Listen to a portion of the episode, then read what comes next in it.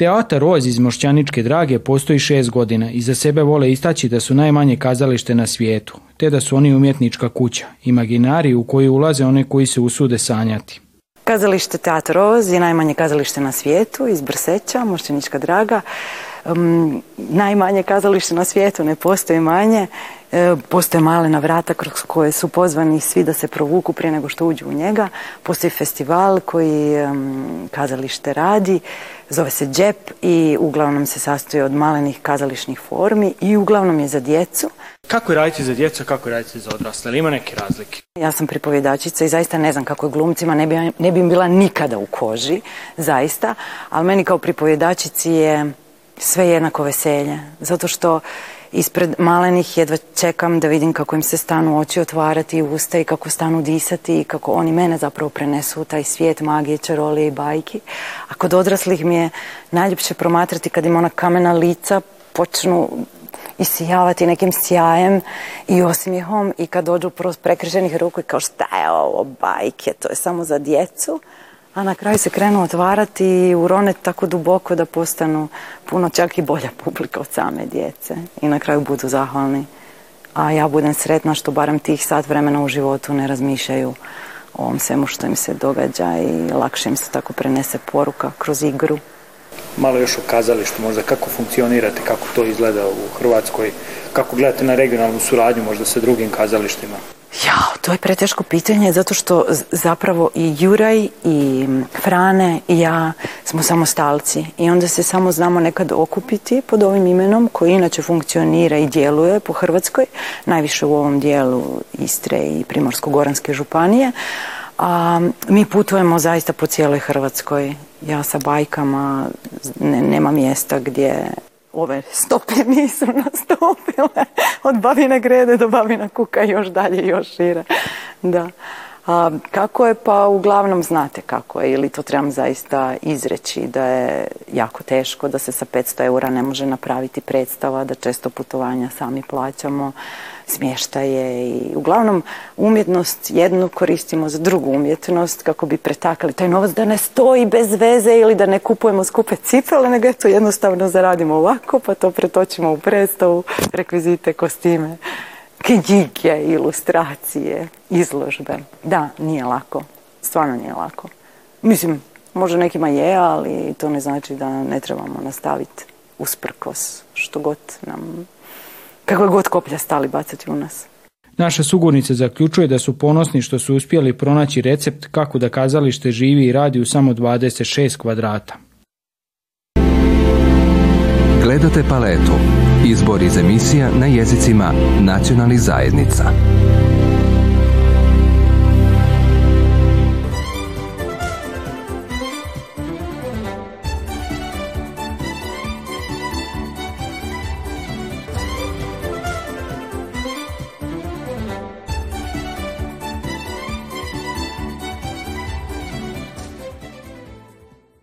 Martina Đurković iz Sombora ima samo 17 godina, a već je planinarila po Himalajima.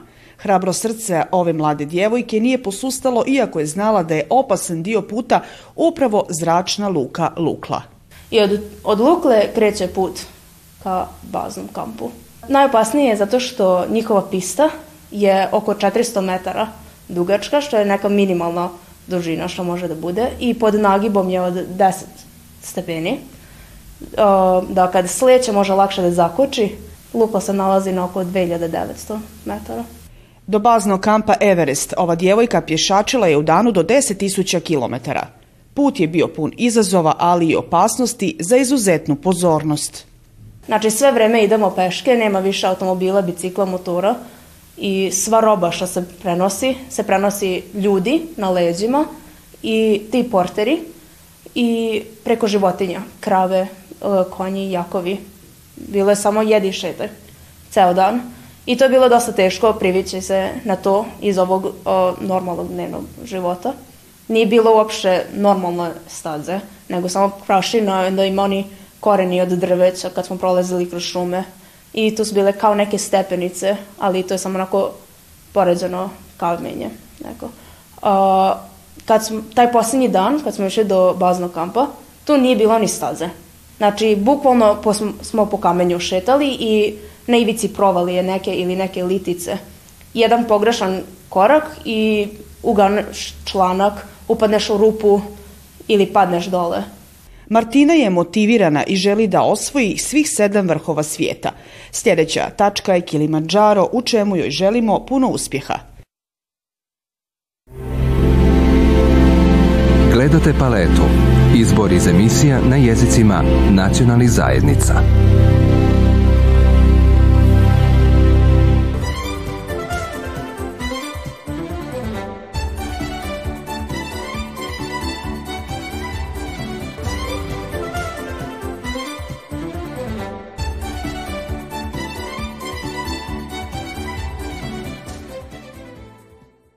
Ideja o pokretanju Hrvatske udruge kulture u Hrtkovcima postoji već dugo, a krajem prošle godine to se konačno i desilo kada je osnovano Hrvatsko kulturno društvo dr. Nikola Dogan i ono okuplja mještane Hrtkovaca, Nikinaca i Platičeva kao i svaki početak, on ima svoje, svoje izazove. Mislim da postoji, ajde da kažemo, ono jezgo od kog se može nešto napraviti i djeluje mi da tu ima, ima, ima načina da, da, će nastaviti, da radi, dakle se neće ugasiti i ostati samo na, na toj dobroj volji kad je osnoga, udruga ovaj, osnovana, dakle na udruzi se mora raditi i mislim da postoji kor ljudi koji će, koji će raditi. Udruga je skoro osnovana, e, razmišljali smo šta i kako, Uključili smo tri sela, Platičevo, Nikinca i Hrtkovce.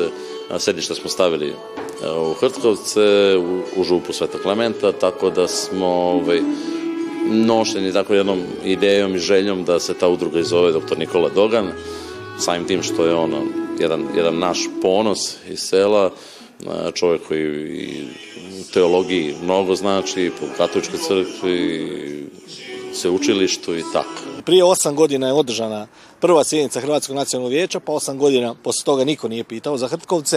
E, vidjet ćemo da li će sad biti nekih promjena. Ono što se ja uzdam, što kažu uzdaj se use, tako da se ja zapravo najviše uzdam u ljude ovdje, dakle ova tri sela Hrtkovci, Nikinci i Platičevo, treba jasno reći, dakle ovo nije samo Hrtkovačka udruga, ovo je udruga koja pokriva ova tri sela, ili ova tri sela negdje ima oko tisuću Hrvata, što bi trebalo biti dovoljno za funkcioniranje udruge, tako da ja se zaista nadam da ćemo ovaj, u tri sela doći do dovoljnog broja ljudi da udruga funkcionira ovaj, kako bi jedna udruga trebala funkcionirati.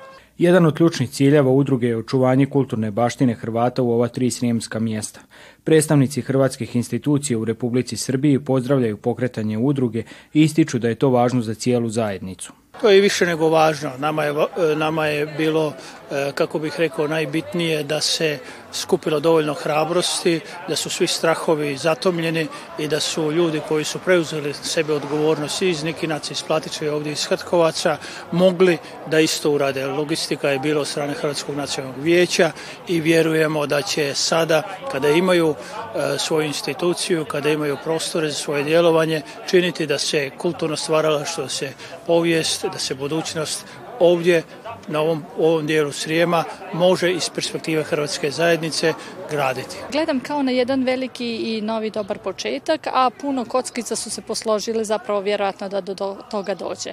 Prošlo je već puno vremena i zaista smatram da nema više razloga i za strah. Malo su se promijenile i političke okolnosti, a evo i podrška Hrvatskog nacionalnog vijeća će biti sve veća, tako da sigurna sam da samo nam trebaju dobre inicijative, dobre ideje, a mi ćemo onda to podupriti svim silama. Jedna od prvih aktivnosti Hrvatskog kulturnog društva dr. Nikola Dogan je bila proslava Svetog Josipa, zaštitnika hrvatskog naroda i ujedno praznika Hrvatske zajednice u Republici Srbiji.